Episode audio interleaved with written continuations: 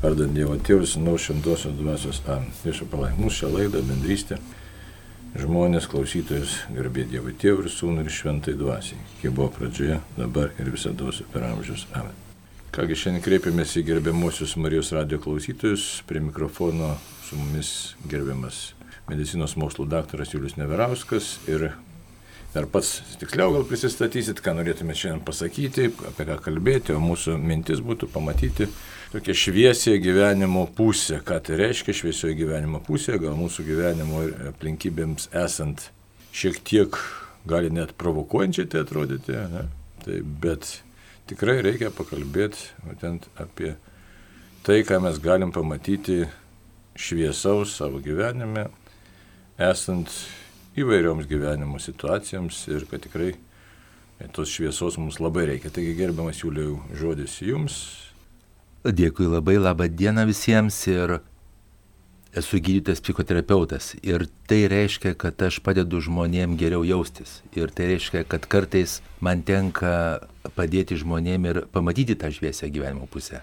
Ir mano matymų gyvenimas yra visoks, pasaulis yra visoks ir labai labai svarbu, į ką mes nukreipiam dėmesį. Tai kartais mes norim, kad mums vien tik tai sektųsi, kartais mes norim patirti vien tik tai džiaugsmą, arba kartais labai vengiam kažkokiu tai sunkumu, iššūkiu, bet mano praktika ir mano gyvenimo matymė aš matau, kad jeigu mums, pavyzdžiui, labai tik tai sekasi, tai nepasiskėpina mes nuo iššūkių ir nuo sunkumų ir tada, kai juos patiriam, mes galim praktiškai pradėti žlugti arba gali net vystyti visokie nusivylimai, depresijos ir visa kita. Ir priešingai, kai mes patiriam sunkumus ir iš jų mokomės, tai mes tampam psichologiškai atsparesni ir psichologiškai stipresni. Tai mano įstikinimu nieko nėra pasaulyje, kas yra vien tik tai gera arba vien tik tai bloga. Ir bet kas turi dvi pusės. Ir tada mes galim pažiūrėti, kurioje mes pusėje norim būti ir į kurią pusę mes norim atkreipti savo dėmesį ir pats svarbiausia savo pastangas. Taigi, apie ką mes kalbam tada, tai sakytume, kad daug kas priklauso nuo to tokio mūsų matymo, mąstymo, vertybinio tam tikro angažavimuose, kaip čia galėtume vertinti, nes tą patį reiškinį gali matyti skirtingai. Dabar jūs taip užsiminėt provokuojančiai iš tikrųjų, kad štai, jeigu visą laiką labai sekasi, tai čia nėra labai gerai. Tai, o mes tiesiog savaime norim, kad visą laiką sektųsi. Aš nežinau tokio žmogaus, kuris nenorėtų, kad jam sektųsi. Duosiu pavyzdį apie sportą jeigu mes turime komandą, kuri visą laiką išlošia, tai greičiausiai žmonės jau net ir nustos eiti į tos komandos varžybas. Nes tada pras bet kokį įdomumą, nes jinai visą laiką išlošia. Ir labai tikėtina, kad šitos komandos sportininkai jie atsipalaiduos ir jie pras savo kompetencijas. Tai gyvenime labai svarbu yra balansas ir labai svarbu, kad mes patirtumėm ir iššūkių, kurie viršyje mūsų pristaikymo galimybės. Tai būtent, kai mes juos patiriam šitų iššūkių akivaizdoj, mes jaučiamės e, galbūt blogai, jaučiam nerimą arba jaučiam kažkokį tai pyktį, bet būtent šitie iššūkiai mus daro stipresniais ir labiau pristaikančiais prie mūsų gyvenimo. Bet tai čia reiktų vis tiek matyti kažkokią tai tokią platesnę panoramą, nu kaip tas gyvenimas, o kodėl man reikia tų iššūkių, ne? Tai kodėl man jų turi reikėti?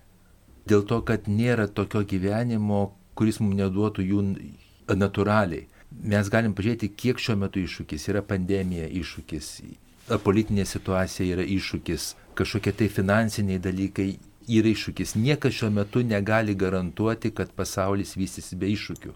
Ir mes žinom, kad tų iššūkių bus, tai jeigu mes norim su jais tvarkyti, mums reikia būti pasiruošusiais su jais tvarkyti, tai mums reikia būti psichologiškai atsparesniais tai būtent šitos treniruotės maži iššūkiai, maži sunkumai mus būtent ir stiprina ir ruošia desniem iššūkiam ir desniem sunkumams.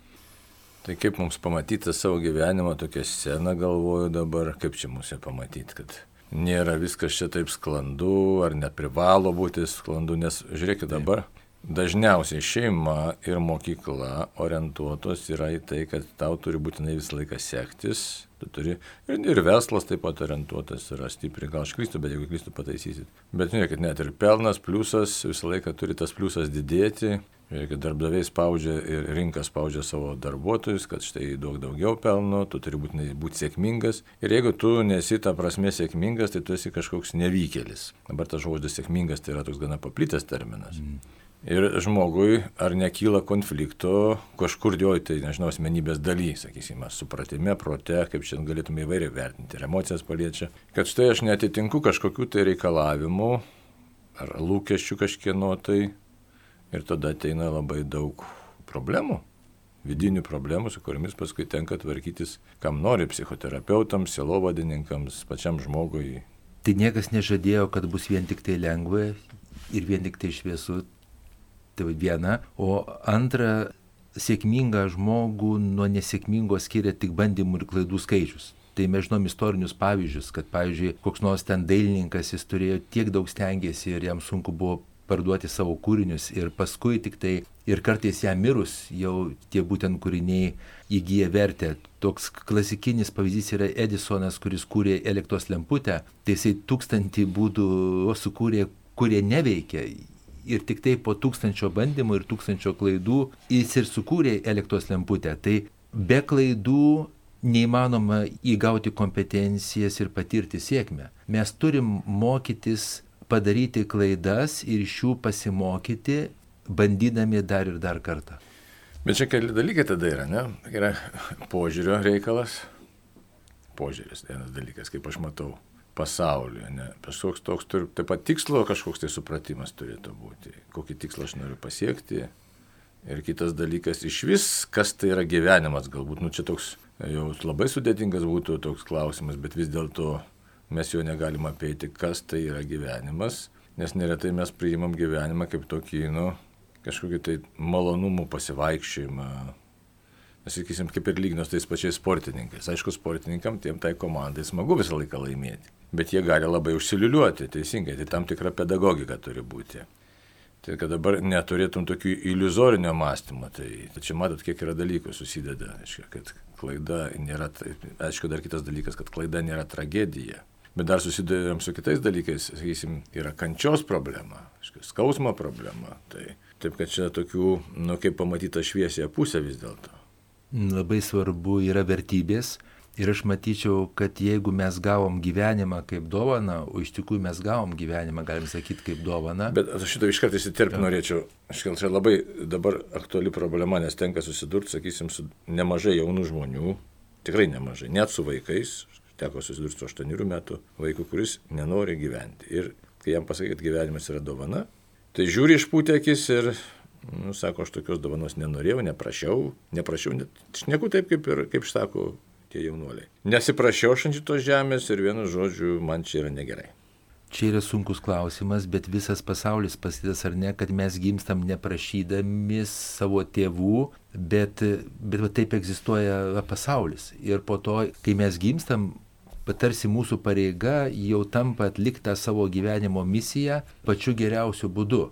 Tai čia yra ta, galim sakyti, dialektika, kad mes nesiprašym, bet dauguma žmonių atranda tas būtent šviesiasias gyvenimo pusės ir atranda tą prasme ir ta prasme yra nugyventi gyvenimą geriausiu būdu savo pačiam ir kitiems ir pasauliui. Tai va aš matyčiau, kad labai daug priklauso nuo vertybinio žmogaus požiūrio, tai aš puoselėčiau tokį požiūrį, kad gyvenimas yra mums dovana ir antras dalykas mums galimybė, mums duotas šansas pragyventi jį, kiek jau mums duota, pačiu geriausiu būdu.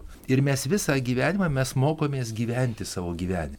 Ir labai priklauso mūsų startas, labai nuo mūsų šeimos, kaip mums duoda kažkokius įstikinimus apie pasaulį, apie kitus žmonės, yra labai negatyvios šeimos. Ir jūs duodam įstikinimų, kad pasaulis yra nesaugus, yra negeras, kad kiti žmonės yra blogi ir tu pats ten su sąlygom aš tai priimsiu, tik tai jeigu tu atitiksi tokias ir tokias sąlygas, tai tu būsi vertingas. O mano pačiu giliausiu įkinimu, kad žmonės visi kaip žmonės yra vienodai vertingi. Ir jauni, ir seni, ir vyrai, ir moteris, ir lygoti, ir sveiki, ir turtingi, ir neturtingi, visi kaip žmonės vienodai vertingi. Ir čia toksai, nu, galim sakyti, vertybinis stikinimas. Ir mums šitos vertės visiškai e, nėra reikalo nei pagrysti, nei įrodinėti. Vien tik tai, kad mes gimėm, kad įvyko gimimo stebuklas, tai įrodo, kad pasaulis mus prieima Ir tai, kai mes mirsim, mes visi vienodai gimstam ir mes visi vienodai mirštam. Ir čia būtent yra, galim sakyti, įrodymas, vienas iš įrodymų. Tai čia, sakyčiau, šitą vietą mums vertėtų už, užfiksuoti šitą momentą, ką jūs sakot. Tikrai, vertėtų, nu, nes žinom iš praktikos, kad jeigu yra dalykai, kurie svarbus dalykai, vyksta gyvenime, patirtiniai dalykai, ir jeigu jų neužfiksuoji savo protę, netkreipi juos dėmesio, galim pasakyti paprastai labai, tai jie kažkaip praslysta ir paskui daug metų iš tikrųjų net galim sakyti, kad nu, patiri nuostolį, kad neužfiksavai šitą momentą. Tai dabar mums vertėtų užfiksuoti šitą momentą, kad štai jeigu egzistuoji, tai esi kas? Esi vertingas, taip. Esi žmogus taip pat vertingas kaip ir visi kiti žmonės, esi pasaulio dalis ir Nes šitoje vietoje labai svarbu šitą užfiksuoti. Kodėl? Todėl, kad man niekam nereikia įrodinėti kažkokios savo vertės. Tai. Nes todėl šitoje vietoje mes susidurėm su kuo? Su labai daug nepilnavertiškumo nu, komplekso praaiškų galim, taip aš taip, nu, gal, gal grubiai pasakysiu, bet žvelgiant ypač į lietuvių gyvenimą dabartinį, mūsų ir labai daug jaunų žmonių gyvenimą, kurie, nežinau, dėl įvairių priežasčių, čia galim tas priežastis vardinti turbūt ne vieną valandą, bet tikrai nesijaučia saugus ir nesijaučia vertingi ir nesijaučia laimingi ir e, nustemba, kad štai, kai, ką jūs pasakėte, tai labai paprastas atrodytų dalykas, kad štai jeigu tu egzistuoji, tai tu turi teisę egzistuoti. Ne? Taip. Ir žmonės tikrai nustemba, kad štai aš tikrai galiu būti ir aš nesu kažkoks tai atmestinas, nereikalingas, izoliuotas ar išmestas iš bendruomės, iš visuomenės ir taip toliau. Tai suprantate, žmonės nustemba. Tai tikrai tu šitoje vietoje mums visiems, na nu, ką, tiesiog savo įsirašyti kažkur. Nes aš pats taip irgi man tai buvo tiesiog, nes nori mūsų visuomenė ko reikalauja. Kad tu įrodytum savo buvimą. Mhm savo vertingumą kažkuo tai, ne? Nu, pasiekimais kažkokiais, tai kažkokiais pripažinimais. Ir labai nustembi, kad štai tam iš esmės įrodinėti nieko nereikia. Ar, taip, taip, ar teisingai supratau? Tai būtent mes esame vertingi, net kai kiti žmonės bando mūsų vertingumą ir sumenkinti. Net ir tais atvejais. Ir mes žinom, kad ten karo atvejais taip toliau, vad bando ta būtent žmogiškoji orumą menkinti, vis tiek dalis žmonių jie labai gerai suvokia ir išlaiko jį, nes jisai laiko, kad jis yra vertingas šioje žemėje, taip pat kaip ir visi kiti. Tai vienas momentas. Aišku, kitas momentas kalbam apie šviesę gyvenimo pusę. Tai čia tikrai padėtų nušviesti, ne? Tai yra pats pagrindas, pati bazė, kad mes šioje žemėje atsiradom ne taip savo, mes turim šansą ir mes tada galim nuolat mokytis, o, o mokymasis visada yra susijęs su klaidų darimu, Ir kaip aš kartais e, sakau, žmonės kelia šypsnę, kad norint gerai šokti, reikia pradžiai blogai šokti, bet vis tiek šokti. Taip? Mhm. Ir bet ką, ar norint vairuoti automobilį, ar norint išmokti kalbą, ar norint bet ką, mes pradžiai atliekam blogai tą, mokomės, darom klaidas ir paskui mes didinam savo kompetencijas. Tai, tai tas mokymosi procesas vėlgi ateina iš mūsų šeimos ar mokymas mums yra vertybė ar ne. Tai, tai jeigu mūsų šeimos mums davė tokį įstikinimą, kad pats mokymasis yra vertybė, tai tada klaidų darimas mokymosi proceso metu yra vertybė. Yra praktiškai neatsiejama dalis. Taip, bet čia vėl problema yra su to mokymusi. Kažkodėl tai, aš nežinau, pataisykite mane, mhm. bet man toks iškart klausimas, ne? Kažkodėl tai visuomeniai egzistuoja tokia nuostata, kad štai tu turi mokėti gyventi iš karto. Ir jeigu tu kažko nesupranti, tai tu čia kažkoks esi loseris, taip liaudiškai, žinau, kaip žargonų šnekant, ne, nevykėlis, ne? O štai tu e, supratimas ir kad tu turi mokytis gyventi. Mes mokome, žiūrėkit, universitete, mokyklose labai daug gyventi mūsų niekas nemokina. Taip, tai būtent yra klaida mano galva, kad mokinius moko matematikos, istorijos, ten nežinau dar kažko, bet nemoko gyventi. Tai, tai man tiesiog keista ir šito dar nesuprantu, kodėl taip yra. Ir savo pasakymas aš visur sakau, kad mokykim vaikus gyventi, mokykim vaikus e, jausti save, mokykim būti santykiuose, mokykim spręsti problemas ir taip toliau. Tai čia pats pats toksai svarbiausias įgūdis ir kompetencija vaikų. Tai šitas trūkumas egzistuoja ir aš manau, kad dėl jo yra tiek daug problemų Žemėje. Ir aš matau va tos žmonės, kurie ten labai kažko tai nepatenkinti ir taip toliau. Tai va aš matau labai aiškiai, kad jie daro esminės klaidas mokėjime gyventi. Mąstymo klaidas, ten elgesio klaidas ir taip toliau. Santykių, santykių jie, pasiduoda, jie pasiduoda savo gyvūniškai daliai, savo instinktam, savo kažkokiam sąlyginiam refleksam, kurie blogai išmokti. Ir pats įdomiausia, kad jie patiria neigiamas pasiekmes ir vis tiek kartoja tą patį elgesį.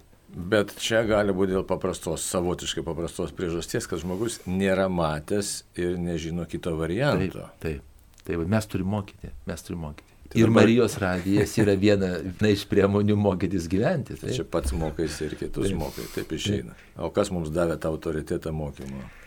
Tai e, čia vėlgi galim ir spręsti, kokį mes atskaitos tašką įmam, ar mes įmam atskaitos tašką religinį, ar mes imam e, ten psichologijos mokslo, ar imam filosofijos mokslo, ar kažko, bet aš siūlau derinti iš tos dalykus. Mm. Tai jie iš tikrųjų ir neprieštarauja viens kitam, jeigu taip paėmus. Taip. Jeigu žiūrint giluminius šaltinio, tai būti išmintingu žmogumi, galėtume taip sakyti, kad šviesė gyvenimo pusę gali pamatyti tik tai išmintingas žmogus. Sakyčiau šitaip, arba tikroji išmintis. Dabar kodėl taip sakau?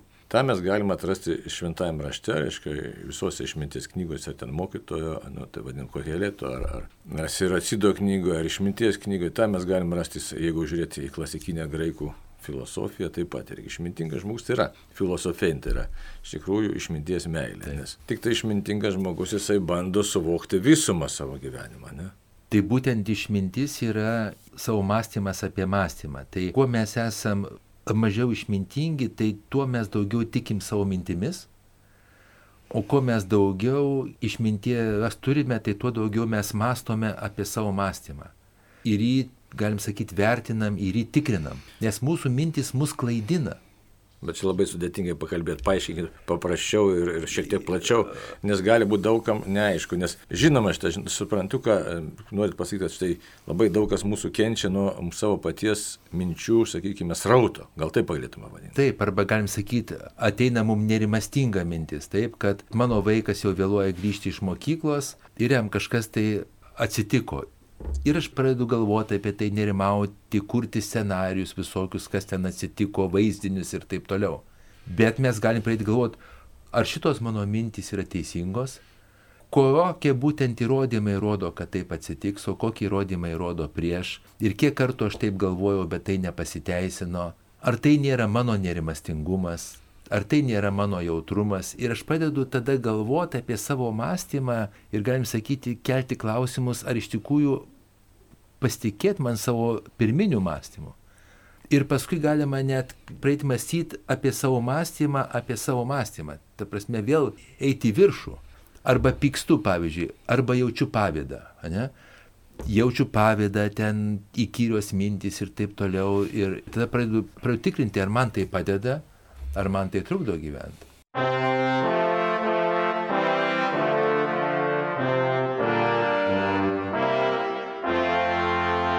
Čia Marijos radijas.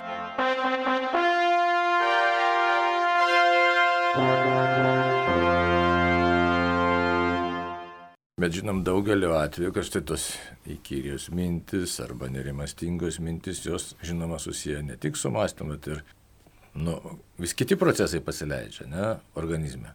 Pasileidžia ten tas nerimo, emociniai dalykai, paskui kurie sąlygojo ten jau ir fiziologinius, ten šito hormonų tada visą veikimą. Ir žmogus e, keliariopą čia toks uždavinys sunkus, tai tada labai sunku pamatyti šviesią gyvenimo pusę, nes dalis žmonių patiki, kad štai būtent taip yra tikrai blogai. Kitas tik žmogus, kuris net daugiau patirties turi, galbūt ten yra analizės tos e, pajėgesnis daryti, bet jam labai sunku kažkaip nugalėti tą emocinį krūvį savyje. Galbūt dar yra priežastis iš šeimos atsineštos. Taip kad ką mes tiesiog kaip galėtume nu, pamatyti, kad kaip žmogui save sutvarkyti, kaip sakyti, kad...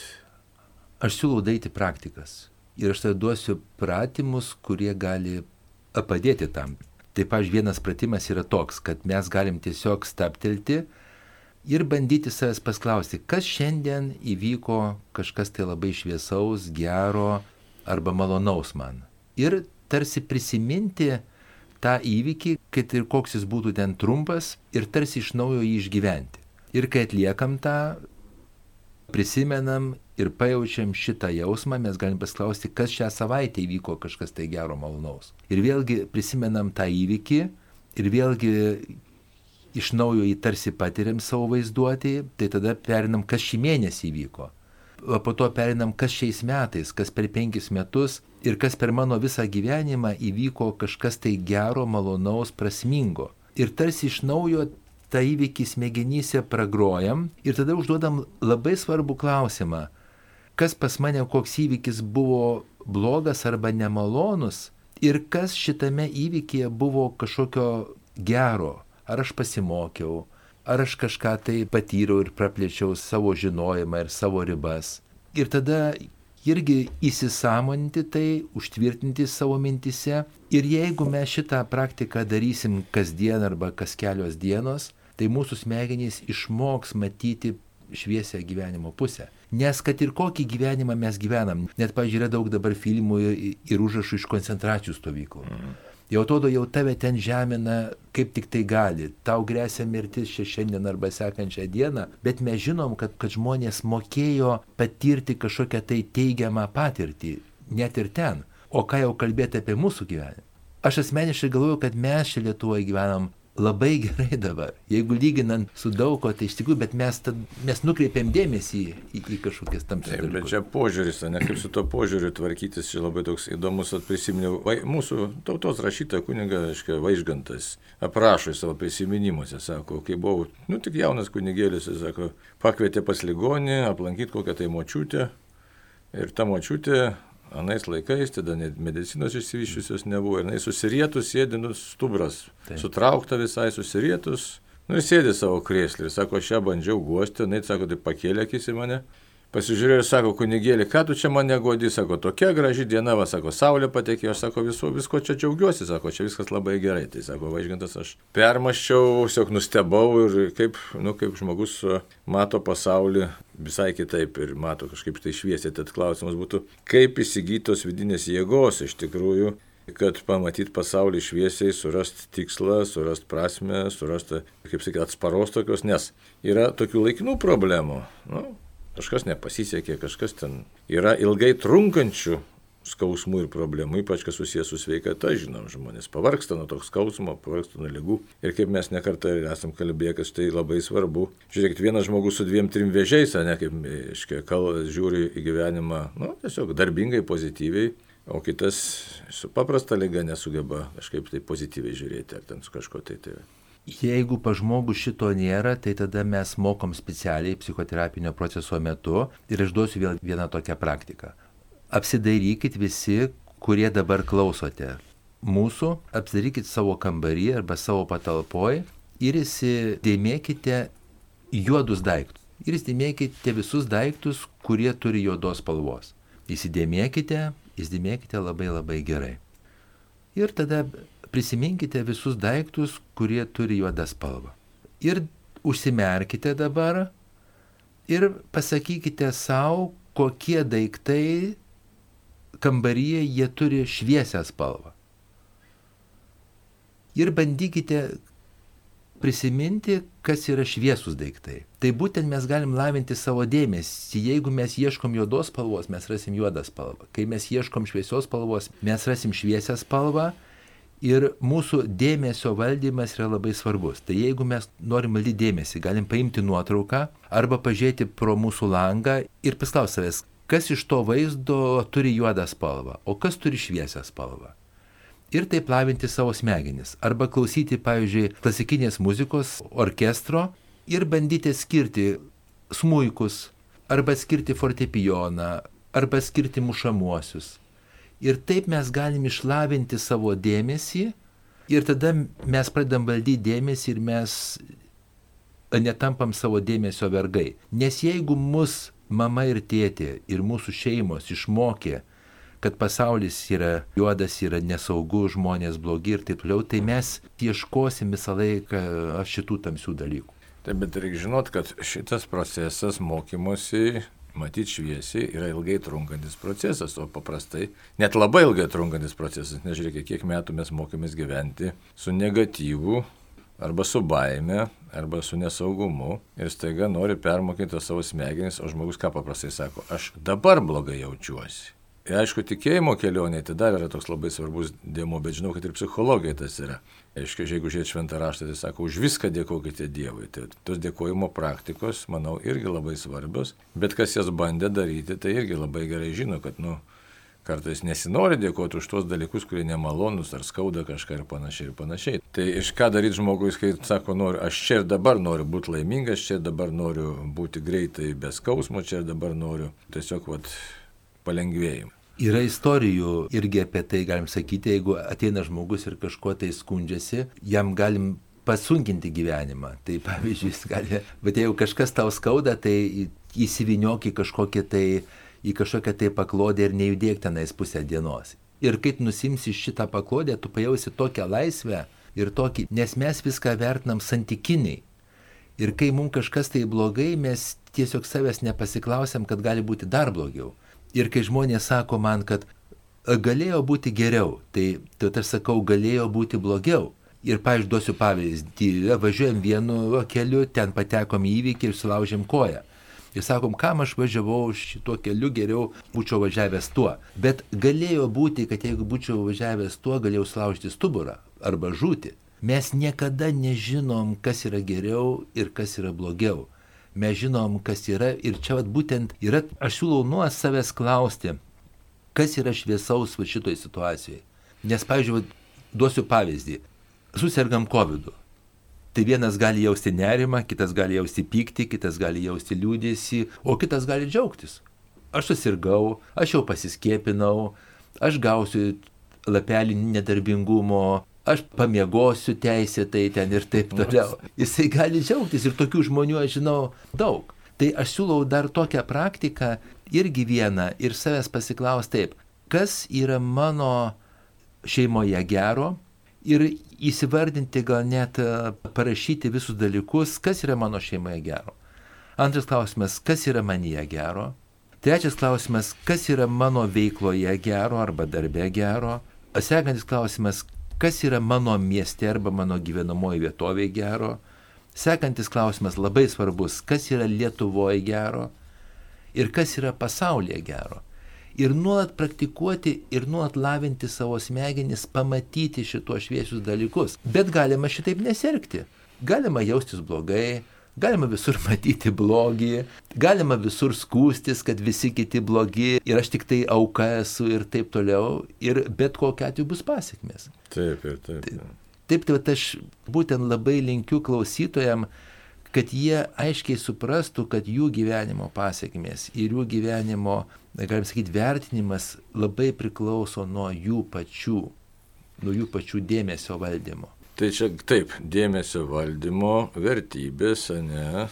Ir sakyčiau, tam tikras aktyvumas turi būti visokiojopas. Psichinis aktyvumas ir tas ir išorinis aktyvumas, tam tikros valios pastangos. Ir galėtume apie aktyvumą kalbant sakyti, kad vis tiek žmogus turi ieškoti kelių, kaip, nu, tą tokią savo savivertę realizuoti, užimant kažkokią tai tokią prasmingą laikysinę, gal nežinau, teisingai suformulavau ar ne, bet, nu, kad žmogus pajustų, kad štai aš, nu, tai, ką darau, nesvarbu, ten maži dalykėliai, dideli dalykėliai, bet kad jie turi kažkokią kryptį, kažkokią prasme. Kažkas į tą pusę maždaug. Aukščiausias lygis yra aiškiai žinoti savo gyvenimo misiją. Tai yra aukščiausias lygis. Nu. Ir jeigu mes žinom misiją, tai tada viskas, kas yra ar klaidos mūsų, ar kažkokie tai diskomfortai, skausmai jie turi savo prasme, nes mes juos patiriam vykdami savo gyvenimo misiją.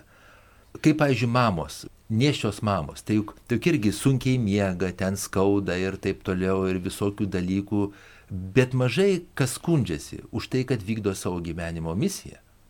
Taip, tai aš labai labai linkiu ir siūlau pasigalvoti visiems, kokia yra mano gyvenimo misija, kokios mano yra vertybės ir tada eiti link savo tikslo ir priimti viską ir pamokas gyvenimo, ir skausmą, kartais ir diskomfortą, kaip neatsiejama kelio dalį einant link savo tikslo. O čia tas labai svarbu, kad supras, kad visko yra, ne, kad ir skausmas yra jis realiai egzistuojantis ir jo išoperuoti paprastai neišeina, net analgetikų tokių. Ir dar norėtųsi paminėti, nu kaip jūs manot, nu taip, to prasmingo to gyvenimo laikysnai, labai svarbus yra tarpusavio santykių elementas. Ne?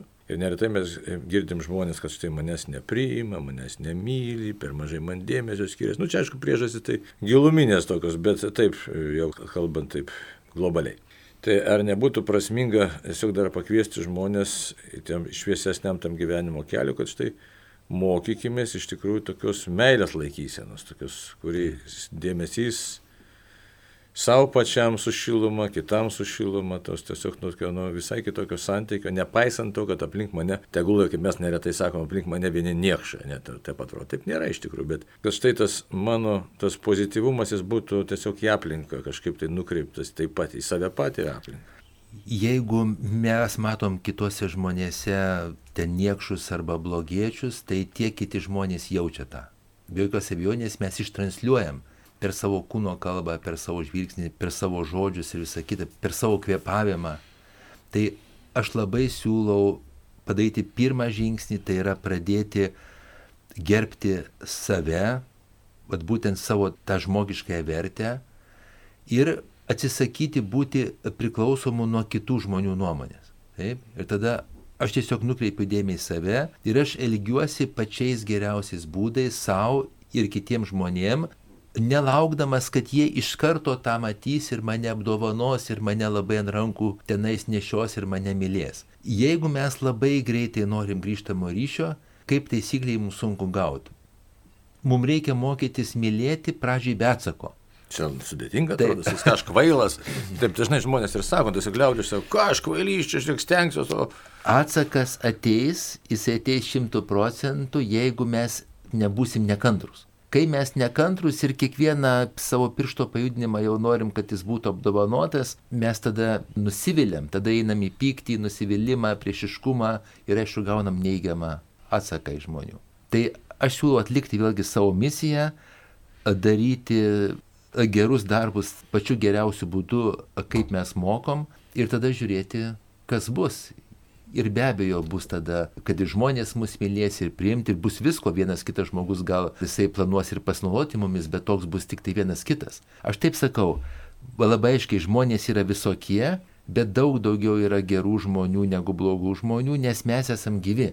Mhm. Ir žmonija vystosi. Nes jeigu būtų daugiau blogų žmonių, tai, tai mes išnyktumėm, ar nesidingat. Taigi, tai ką dabar galėtume dar tą šviesaus tokio pamatyti, ne, kad gyvenimas kaip tam tikra galimybė yra. Ne. Taip, galimybė ir aš siūlau taip elgtis. Kai mes patiriam iššūkių, įjungti savo sveiko suaugusio režimą ir spręsti problemas.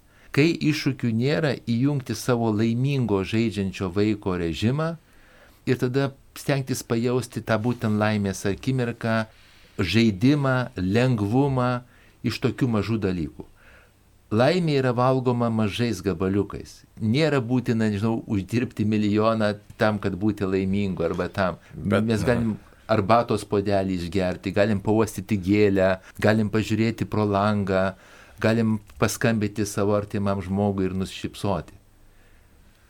Ir ką padaryti, kad neįsijungtų tas, žinai, tas nerimastingas žmogus, kad sakytų, taip, dabar aš laimingas, bet jisai gali įsijungti ir jis įsijungs, bet mes galim nukreipti dėmesį, mes, mes jam leidžiam būti šitam savo nerimo daliai ir vėl perkeliam dėmesį į tą šviesią gyvenimo pusę. Tai būtent toks dėmesio valdymas jis padeda. Bet dar vienas tada momentėlis. Reikia suprasti vieną dalyką, kad štai automatiškai laimingu man būti, turbūt, kažin ar pavyks. Neišeis. Neišeis. Iš karto sakau, laimę mes turim kurti patys mažais gabaliukais. Ir tai yra kuriama tai yra išmokstama ir jinai priklauso daugiausia nuo mūsų, bet ne nuo kitų žmonių. Tai nuo požiūrio, pasirinkimo, nuo požiūrio, vertybių.